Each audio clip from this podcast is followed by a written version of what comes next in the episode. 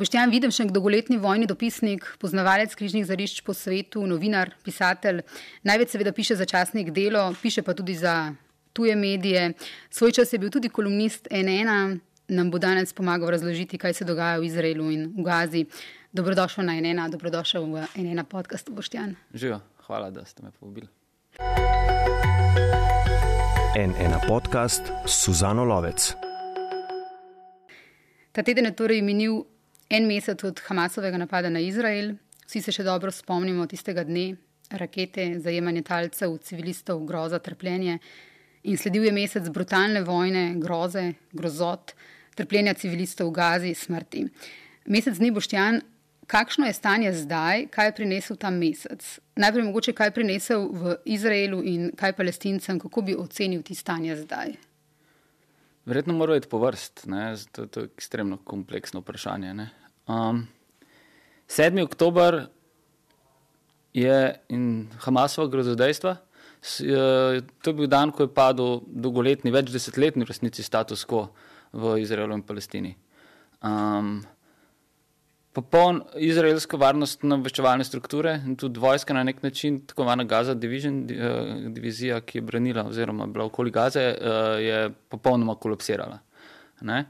In v bistvu prvič po letu 73, torej po 50 letih, po, jon, po prvih dneh Jonkipurske vojne, je v bistvu palestincem, oziroma recimo temu samo Hamasu, uspelo usvojiti del izraelskega ozemlja in ga nekaj časa tudi nadzorovati. Ne? In kar se je zgodilo, eh, grozodejstva so, so nedomljiva, neopisljiva. Ne? Uh, lahko rečem, da pač zato preprosto nimamo jezika za opisovati uh, grozo, ki se je dogajala 7. oktober in ki se je dogajala v mesecu potem. To, da, kot rečeno, treba iti po vrsti. Um, generalni sekretar Združenih narodov Antonijo Guterres je povedal en izjemno, izjemno inteligenten stavek. Napad Hamasa se ni zgodil v vakumu. Mm. Uh, če uh, Hamasov napad izuzamemo iz dolgoletnega konteksta uh, okupacije in preganjanja palestinskega ljudstva, um, potem nikakor ne upravimo ne svojega novinarskega, ne svojega moralnega, etičnega dela. Um, nikoli in nikdar si ne smemo dovoliti, da, da določamo hierarhijo bolečine, ne? da v bistvu tekmujemo med tem, uh, kdo je v strašnejši poziciji. Ne? Uh, vsakdo, ki je izgubil svoje ljudi v tej zgodbi, v kateri koli zgodbi, je v najstrašnejši poziciji. Uh, vendar le to mora biti, kot rečeno, vedno postavljeno v kontekst. Uh, ko sem spremljal v prvih urah, kaj se je dogajalo v Južnem Izraelu, sem bil praktično, po mojem, kot vsi, ki smo pač leta in leta spremljali dogajanje na Bližnjem vzhodu in tudi v sveti deželi, uh, šokiran, frapiran, popolnoma vržen iz nekega mentalnega okvira razumevanja te zgodbe. Uh, izraelska vojska je prvič pokazala svojo radikalno ranljivost resnici. Ne? Uh, Hamasovi borci, in, ki so to treba nujno vedeti, ne, ki so, jim, so se jim pridružili tudi številni uh, oboroženi civilisti, ljudje, uh, ki so vdrli v Južni Izrael, so bili prav tako presenečeni nad možnostjo, ki se jim odprla. in uh, Hamasovi voditelji so jasno povedali večkrat po, uh, po, po, po, po 7. oktobru, da je bil cilj zajeti morda dva ducata izraelskih, uh, izraelskih talcev in jih imeti za pogajalsko izhodišče. Ne, nekaj, kar je delovalo kot rekel, manjša akcija, se je spremenilo v strahovit morilski pohod. Uh, vprašanje je seveda, kako je mogoče, da je prišlo do tega, ne, da v bistvu najbolj država nadzora, država, ena najbolj militariziranih držav in tehnološko razvitih na svetu, da, da, da, da je to um, um, rekel, pustila, da se to zgodi. In ko gremo uh, v bistvu nazaj v mesec maj, v mesec juni, uh, vidimo, da je Izrael, Izrael v bistvu bil na robu, na, oziroma v bistvu nekega političnega kolapsa. Izrael je bil politično, družbeno v bistvu v najslabši poziciji od ustanovitve izraelske države pred dobrimi 75 leti. Notrni konflikt je bil izrazit. Netanjahujovo korakanje z radikalnimi, radikalno skrajno versko noro desnico je v bistvu Izrael s poskusom reforme, tako imenovane reforme pravosodnega sistema poslalo na pot avtoritarnosti v res to klasično iliberalno družbo, uh, obenem pa je institucionalizirani rasizem, uh, dolgoletni, v bistvu, potenciranje dolgoletno sistema apartheida uh, palestince tako na Zahodnem bregu kot v Gazi, ki se v, v, pod blokado nahaja Izraelsko že od leta 2007, uh, v bistvu dobesedno stisnilo obzid. In za trenutek, zgolj za trenutek je ta zid vsaj v Gazi padel na najbolj brutalen, na najbolj grozljiv mogoč način, pa vendarle je ta dogodek tisto, kar bo še čez desetletja zapisano tako v izraelski kot v palestinski kolektivni spomin. Uh, sledilo je tisto, kar pa je seveda bilo mogoče pričakovati in ni bilo presenečenje. Brutalen uh, izraelski odziv, kolektivno kaznovanje palestincev v imenu spopada s Hamasom. Uh, Hamas je v bistvu sprožil neke vrste kolektivni umor in kolektivni samomor s svojim, svojim, uh, svojim aktom. Uh, vsakomur, uh, ki je to spremljal, je moglo biti znotraj in od zunaj popolnoma jasno, kakšna bo izraelska reakcija in je v imenu svojih ciljev uh, žrtvoval zdaj pa lahko že rečemo deset tisoč palestinskih življenj in v dolgoletni simbiozi z izraelskimi oblastmi, predvsem predsednikom vlade uh, Benjaminom Netanjahujem, sprožil drugo nagbo, drug, drug palestinski exodus, katastrofo. Um, nekaj si že opisal, ne? ampak kaj to pomeni za civilno prebivalstvo tam na eni in na drugi strani? Kakšni so ti dnevi, ki jih zdaj preživljajo? Prej si mi rekel, ne, eh, kot novinarju, mi zmanjka besed, da opišem to, kar se dogaja. Ne? Tako hudo. Dogajanje v Gazi praktično ni več mogoče opisati. Mm. Uh, res str, ampak natančen kliše, Wittgensteinovski, ne, da so naše meje, uh, meje našega sveta, da, so, da, da je naš jezik v bistvu meja našega sveta. Um, je tukaj še, pri, pri, pri, ne vem, če se izražam kot novinar pa nekdo, ki pism, se najbolj izraža s pisanim jezikom, se s tem popolnoma poistovetim. Vsakodnevno pisanje v tej zgodbi uh, me ne samo pušča impotentnega, popolnoma pač novinarsko in osebnostno nemočnega v taki strahotni zgodbi, ampak tudi nimam več orodij uh, upovedovati to zgodbo. Uh, zato si bom naredil nekaj, kar ponovadi ne naredim v svojem novinarskem delu. Uh, uporabil bom številke. Ne? V zdaj že skoraj petih tednih um, izraelskega maščevanja je vsakih deset minut v Gazi bil ubit en otrok. Um, v prvih treh tednih silovitega bombardiranja in raketiranja je v Gazi umrlo več otrok kot vseh šte, v zadnjih let, štirih letih v vseh vojnih, vojnih, vojnah in konfliktih na svetu skupaj. Že v prvih dveh tednih bombardiranja in raketiranja Gaze je bilo uporabljeno toliko eksploziva, tako moč eksplozivna, uh, za, kot uh, za, vre, za vrednost dveh uh, jedrskih bomb, ki sta padli na Hirošimo. Um, v 14 dneh je izraelska vojska uh, porabila. Tol, vrgle toliko bomb in raket na Gazo, kot, jih kot so jih poprečil NATO vesile uh, v Afganistanu v celem letu. Uh, Gaza je, ima kvadraturo približno tako kot občina Bovec.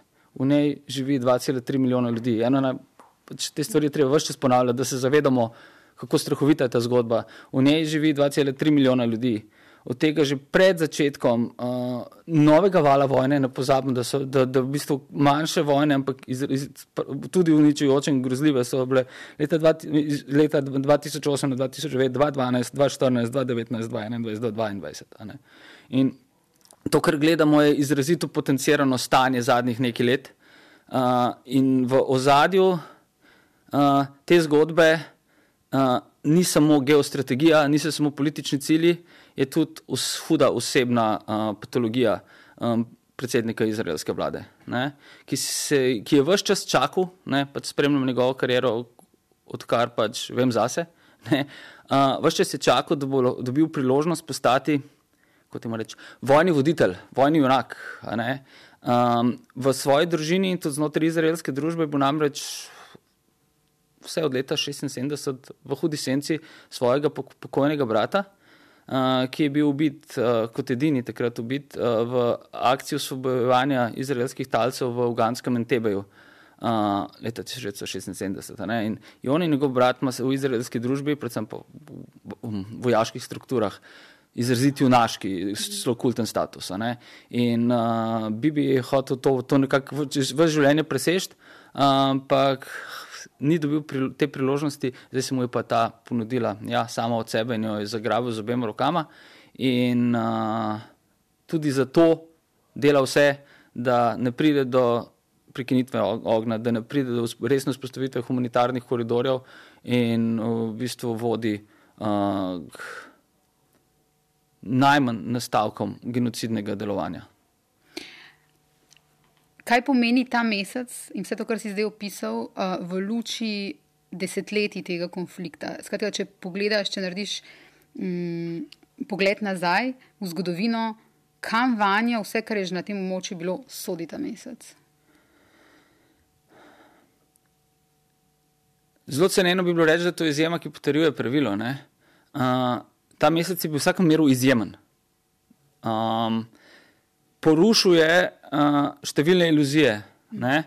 Um, ta mesec onemogoča vrnitev nazaj, ne? torej pač status quo je padel uh, na obeh stranih zgodbe, na izraelski in na palestinski. Ne? S tem, da ne izraelske, ne palestinske zgodbe ne moremo dojemati ne hermetično, ne tako uh, uh, enotno. Ne? Obe zgodbi imata ogromen podzgodb in svojih, svojih poglavij. Uh, kot rečeno, Izrael, Izrael je bil na robu hudega civilnega konflikta, tik preden se je vse skupaj začelo. Ne? V Izraelu je značilno, da se pač, ko pride do vojne, pride do konflikta, pride do nekega refleksnega poenotenja družbe. Uh, v prvi fazi, tokrat je bilo zelo podobno, ampak predvsem zaradi uh, več kot 240 tisoč, uh, se upravičujem, javha, klapsus. Uh, Kar v redu, ja. nadaljuj. Uh, predvsem zaradi 240 talcev uh mhm. -huh. ne, je to uh, povsem drugačen element. Uh, izraelska vojska se je vedno trudila zaščititi svoje civiliste. Ne? In recimo v primeru ugrabljenega vojaka Šalita um, je uh, v bistvu sprožila različne vojne, zato da je rešila enega samega človeka. Ne? Zdaj je to je razmerje krat 240. In uh, prvič se mi zdi, uh, upam, da se motim, da je, so izraelske varnostne strukture pripravljene, oziroma del njih, ne, tudi te niso enotne, iti do konca v smislu žrtvovanja lastnih ljudi, ki niso v uniformah uh, za politične cilje svojega predsednika vlade. Uh, in izraelska družba tega bo, ne bo upravičila uh, in ne bo sprejela. Ne? In edini, lahko, edino, edini, edino, kar lahko ustavi ta konflikt ne, uh, v tem trenutku, je notranje, politič, notranje politična in družbena mobilizacija ostankov demokratične uh, civilne izraelske družbe, ki pa je v mesec, mesecih pred. Uh, pred 7. oktobrom dokazala, da je sposobna tega in da obstaja. Ne? In na drugi strani, uh,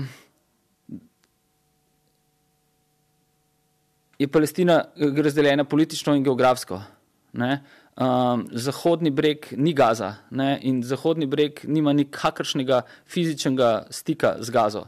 Um, seveda ima preko sorodnikov, preko človeških povezav, ampak Hamas in Fatah sta v silovitem, silovitem konfliktu.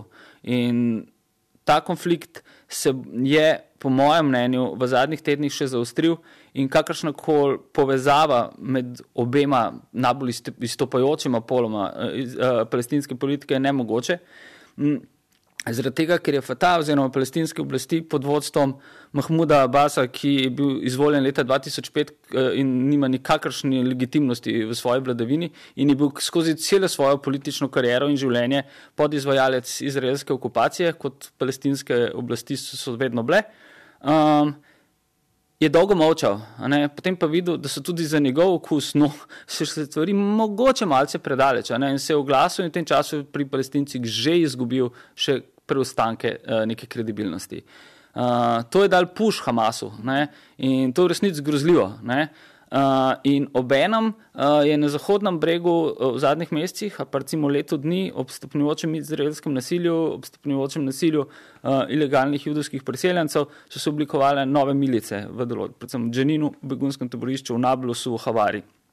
In uh, tudi to, kar se je dogajalo na Zahodnem bregu, okupiranem Zahodnem bregu v zadnjih mesecih, je vplivalo, da je prišlo do, do uh, Hamasovih grozodejstev. Uh, če se vrnemo korak nazaj, to je bil neke vrste uh, Breaking Bad. Uh, v bistvu so ljudje, so, um, sem prison break v resnici. Mm -hmm. Ljudje so, so, so po 17 letih uh, življenja v največjem zaprtem odporu, z, z, zaporu na svetu, ki je zdaj postal največje pokopališče in največja hiralnica ob enem.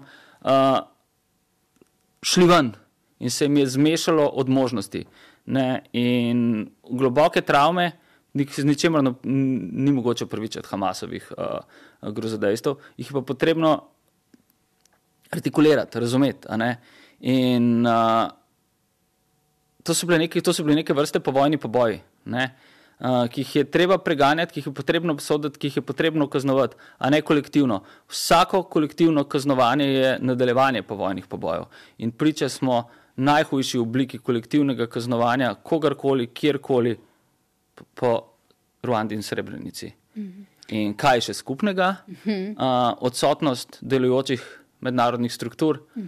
in potentni povoženi živi fosili v obliki Združenih narodov uh, ničemur razen uh, ohranjanju moči, obstoječih moči uh, namenjenega varnostnega sveta z grozljivo pravico veta, ki obstaja v tem trenutku, morda samo zgleda tako zgolj, da podaljšuje vojne. Zato se nobena resna vojna, večja vojna v 21. stoletju, ki se je recimo začela po 11. septembru, ni zares končala.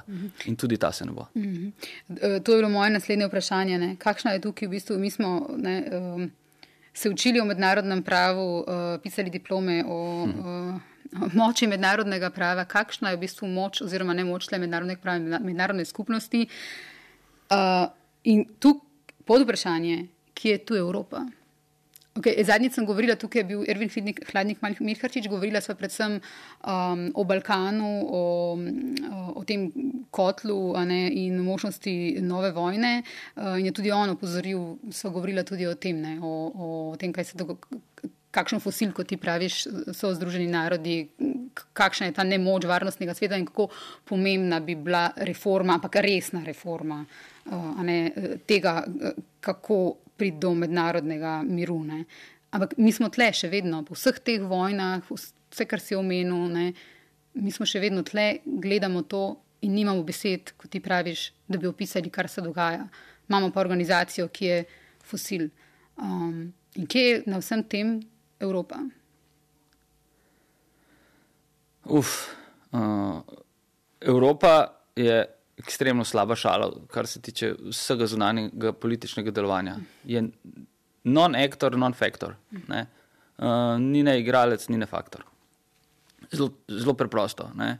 Ko pa že ima možnost, da bi bila in faktor, in aktor, ne? se pa um, predsednica Evropske komisije odpravi k eni strani in ji da absolutno podporo, ki jo leta razume kot zeleno luč uh, za kolektivno kaznovanje palestincev in to pač v imenu uh, evropskih voljivcev, ki so njo preko pač spravili na vrh Evropske komisije in to mi je absolutno nespremljivo. Ne? Mm. Kako lahko uh, brez volje ljudi, komisarka ali pa komisari ali pa predsednica Evropske komisije uh, izvaja zunanjo politiko v svojem imenu. Ne? Uh, ne gre pozabiti, pač, da je predsednica Evropske komisije prihaja iz Nemčije, ki je v kakršnem koli odnosu do Izraela in palestinskega vprašanja, seveda v veliki, upravičeno veliki zadregi.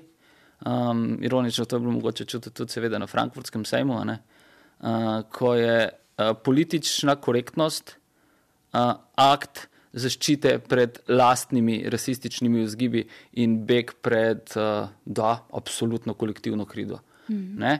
In uh, tudi tak odnos ustvarja nove žrtve. Ne? In se mi zdi, nemško vedenje, uh, ga razumem, uh, je pa odurno. Še posebej, če se to prenaša na kogarkoli drugega v Evropi, ki si te krivde seveda ne zasluži in je nima. Mm. Ne? Uh, nekdo, ki je kriv, nekdo, ki je bil masovni zločinec, uh, nima pravice uh, morda svoje slabe vesti prenašati na kogarkoli drugega in mu s tem onemogočati ja, samostojno zunanje politično delovanje. Mm -hmm. Kar se dogaja zdaj v Evropi in po svetu, je na eni strani uh, totalen porast antisemitizma, in na drugi strani še uh, večji rasizem ne, do palestinskega ljudstva. Skratka, kako nevarna je ta spirala, ki jo gledamo na obeh stranih? To je izjemno nevarna spirala. Ne, in je seveda bilo pač 7. oktober ob 9:45 zjutraj jasno, da se bo to zgodilo. Ne. In vse, vse vodi v to smer, in pri tem veliko umazano delo upravljamo tudi mediji, um, ki ne postavljamo pravih vprašanj, um, ki smo osvobojeni humanističnega delovanja v imenu objektivnosti in potem enačimo vedno, če se le da, ne, počasno jih uporabljati prvo osebo množine, um, krnika in žrtev. Ne, in uh, v imenu uravnoteževanja uh, smo soudeleženci uh, so pri zločinu. Um, vedno pa imamo izbiro. Um, se mi zdi, da pač v vsaki zgodbi, seveda razumevajoč in vedno tudi razlagajoč kontekst, je novinarska naloga biti na strani napadenega. Mhm. 7. oktober da, je bil to Izrael, 8. oktober in naprej je to Palestina, pa so to palestinci v Gazi. Um, kje je tukaj, zdaj sem te vprašala za Evropo, kaj pa Slovenija? Na ta teden, pred nekaj dnevi, je na valu 202 nastopila eh, ministrica za zunanje zadeve. Bil je zelo simptomatičen pogovor, eh, kjer se je zdelo, kot da v bistvu novinarka sprašuje, tako kot jaz včasih sprašujem, ta tako imenovana naivna vprašanja, vprašanja, ki si jih zastavlja v bistvu lahko vsak otrok, ker v bistvu, ko to gledaš, si moraš nekaj stvari vprašati. Ne? Uh, in na drugi strani so bili odgovori, ki so bili kot z drugega sveta. Tako, zdelo se je, da gre za kleš dveh svetov v tem pogovoru. In uh, med drugim je ministrica za zunanje zadeve. Tanja Fojon je v pogovoru rekla, uh, Slovenija je tukaj se postavila na pravo stran zgodovine, uh, pa tudi recimo Evropa bi morala narediti več, a Slovenija je tu na pravi strani. Se je res postavila na pravo stran zgodovine? Kje je Slovenija tukaj? To je tako težko se pogovarjati o lo, lokalnih aspektih mhm. Eh, glo globalnih zgodb. Ne? Ker se mi zdi, da si sploh ne zaslužimo razpravljati o tem. Mm. Um, postavili smo se na pravo stran zgodovine. Kaj vraga to pomeni? To je tako ceneno, to je tako, ceneno, to je tako prazno, to je mm. tako puhlo in hkrati ošabno. Uh, vsak dan je potrebno trdno stati na pravi strani zgodovine in določati, kaj ta prava stran zgodovine je, z izrazito jasnimi parametri um, 11 tisoč proti 1400 je Benti. Um. Prejšnji mesec si imel pogovor uh, z Aleksandrom Matvičuk, uh, mm. ki v Kijevu vodi Center za državljanske svoboščine, ki je lani med drugim uh, prejel uh, Nobelov nagrado za mir.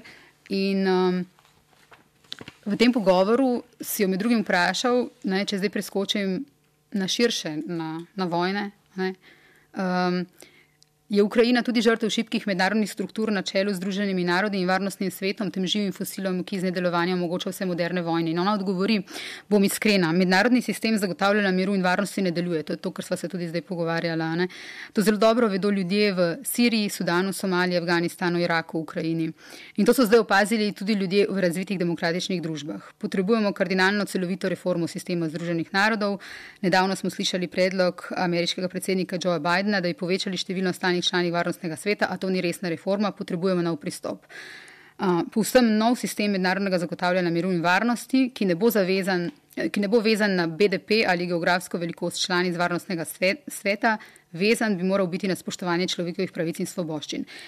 Dogaja se nam, torej, uh, Boštjan, da se mi sprašujemo ta naivna vprašanja, uh, da nam zmanjkuje, kot ti praviš, besed za opisovanje tega, kar se nam dogaja da ljudje, ki se borijo za človekove pravice in ki so v vojni njihove države, opozarjajo na to, vemo, vemo, kaj je treba narediti, in se to ne zgodi. Zakaj? Mislim, da živimo v času, ko je zauzemati se za otroško življenje uh, v vojni, v bistvu že radikalna politika ne, in v bistvu skoraj da uh, podpora skrajnežem, ne, uh, vnaprej izgubljena bitka. Ne, uh, še več. Uh, nek koncept univerzalnih človekovih pravic, v katerega smo najna generacija, recimo, tako, ali pa plus minus tako izrazito verjeli, ne, bili vzgojeni v tem duhu, ne, ne, um, je v bistvu privilegij comfort zone, območje obdobja. Območje obdobja je produkt v bistvu. Uh, privilegiranega sveta, ne, ki pač kot izvozen produkt ni bil najbolj uspešen. Ne.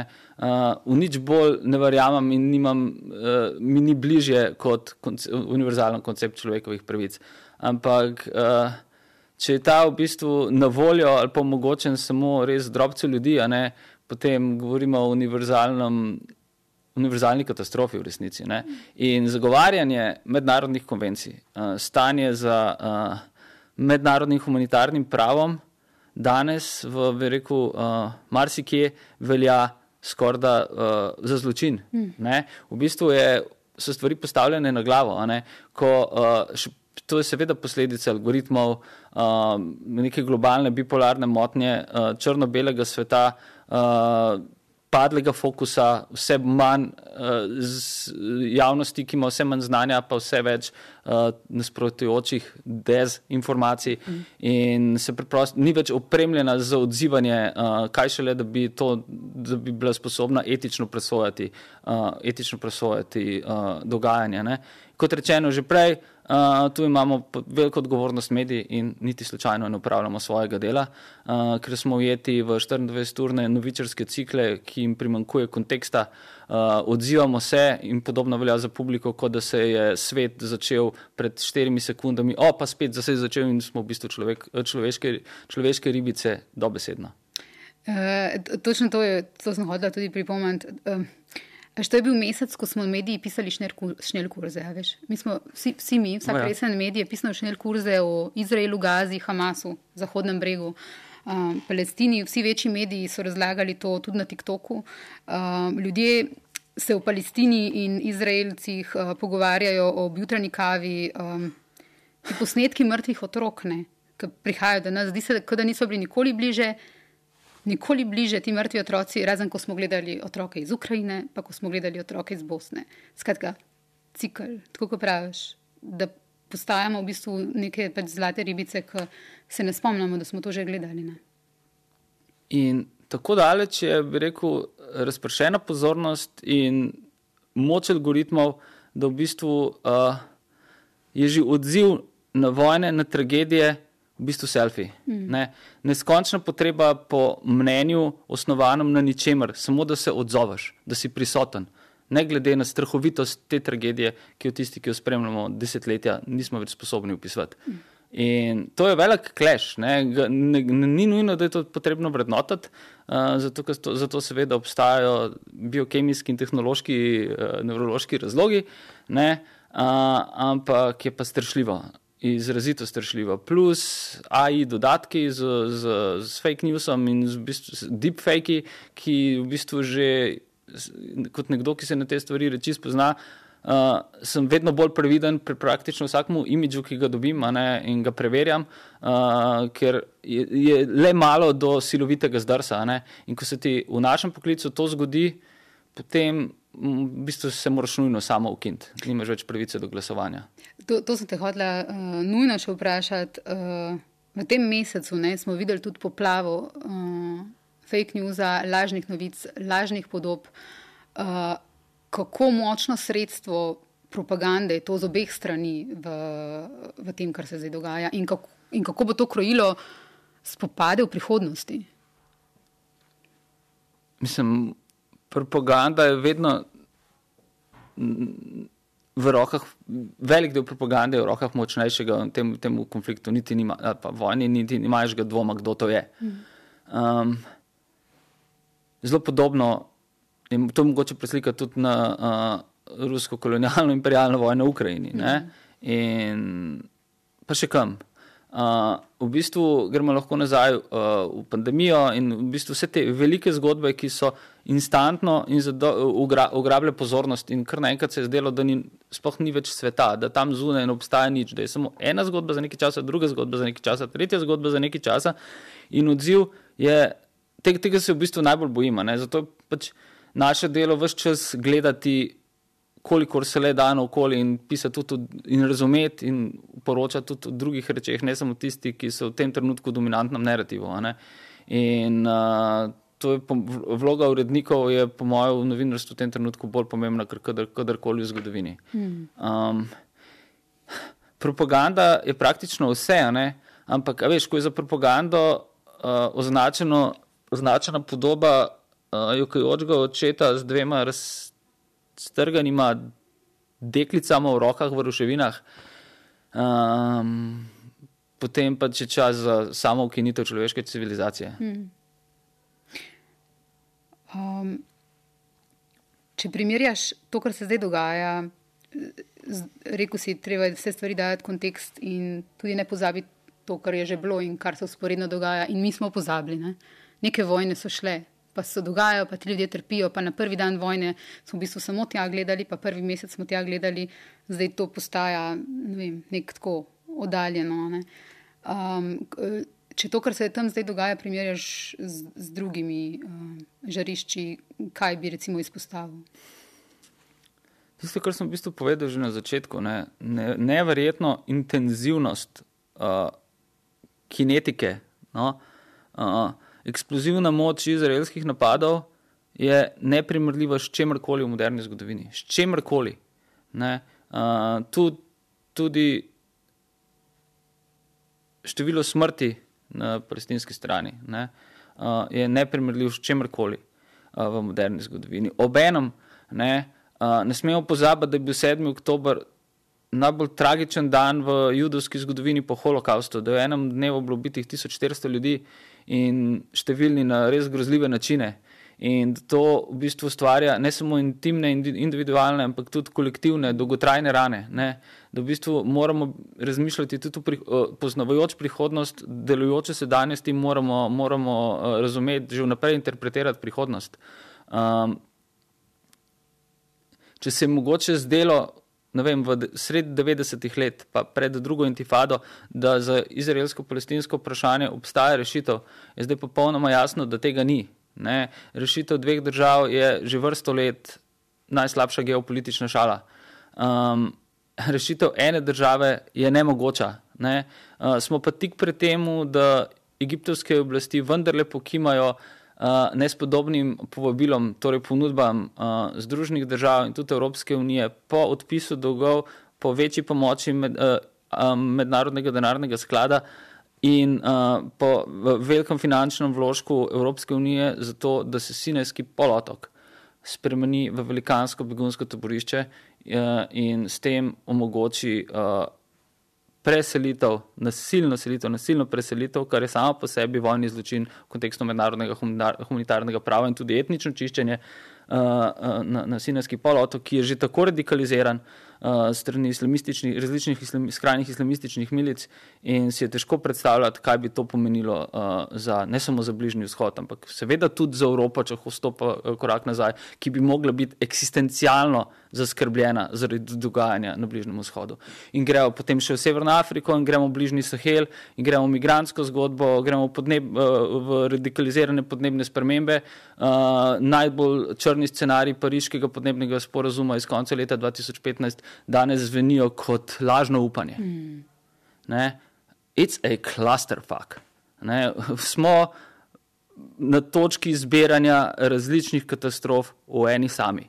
Ne? In to bi mogli vedeti vse čas in biti na to pripravljeni.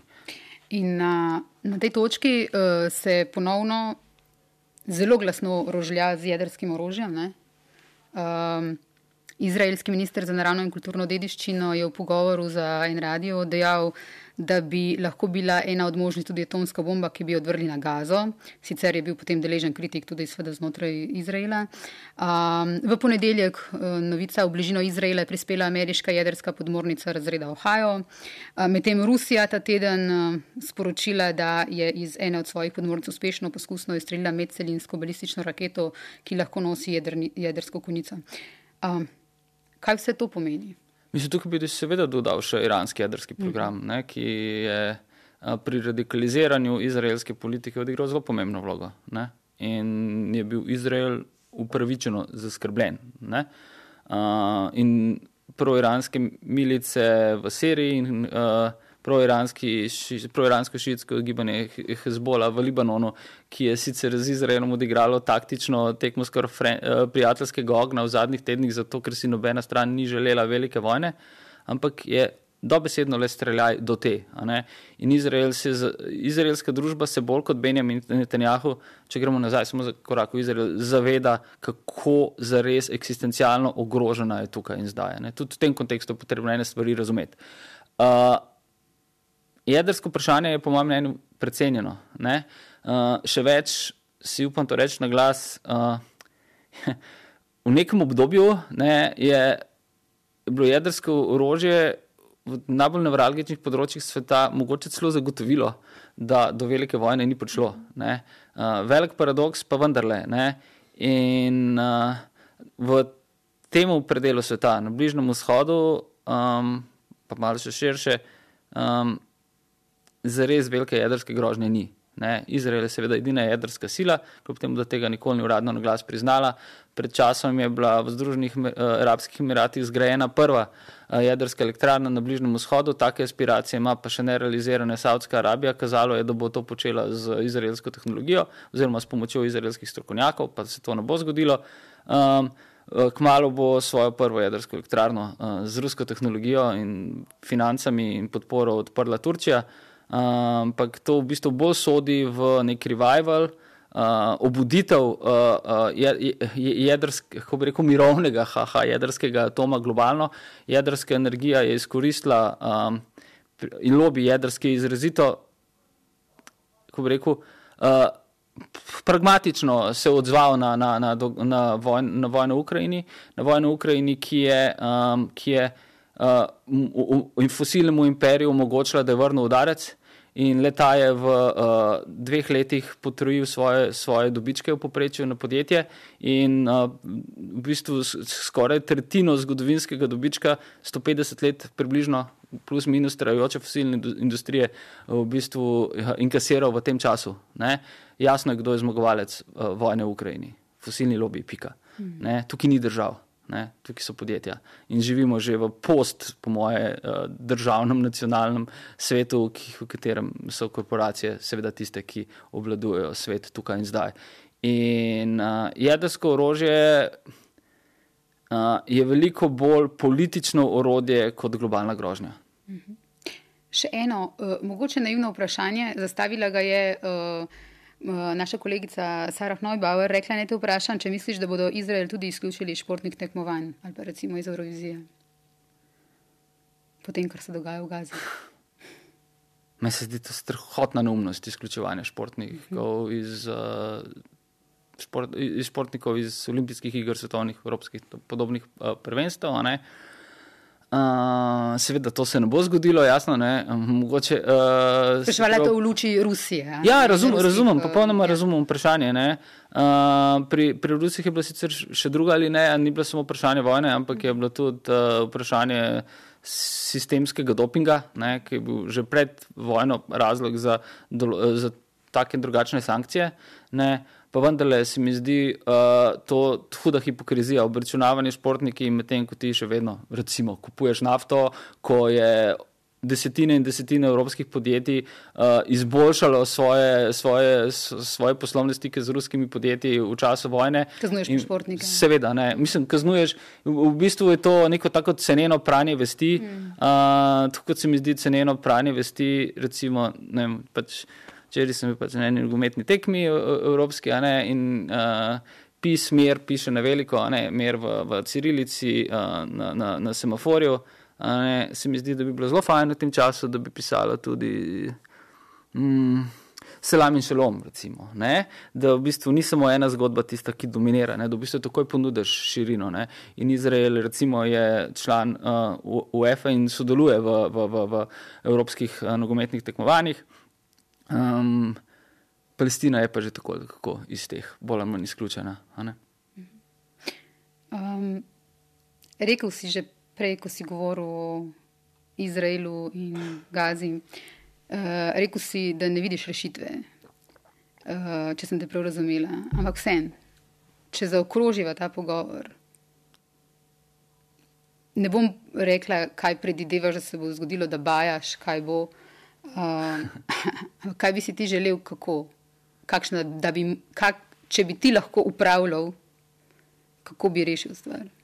Takošna prekinitev ognja, um, pogovor z vodstvom Hamasa, s temi strahopeci v Katarju, Dubaju in v Istanbulu, za izpustitev talcev omogočati, težko reči, kateri in kako, uh, mednarodni, uh, mednarodno vojaško varnostno prisotnost v Gazi uh, za neko tranzitno prehodno obdobje za nedoločen čas uh, in rekonstrukcijo.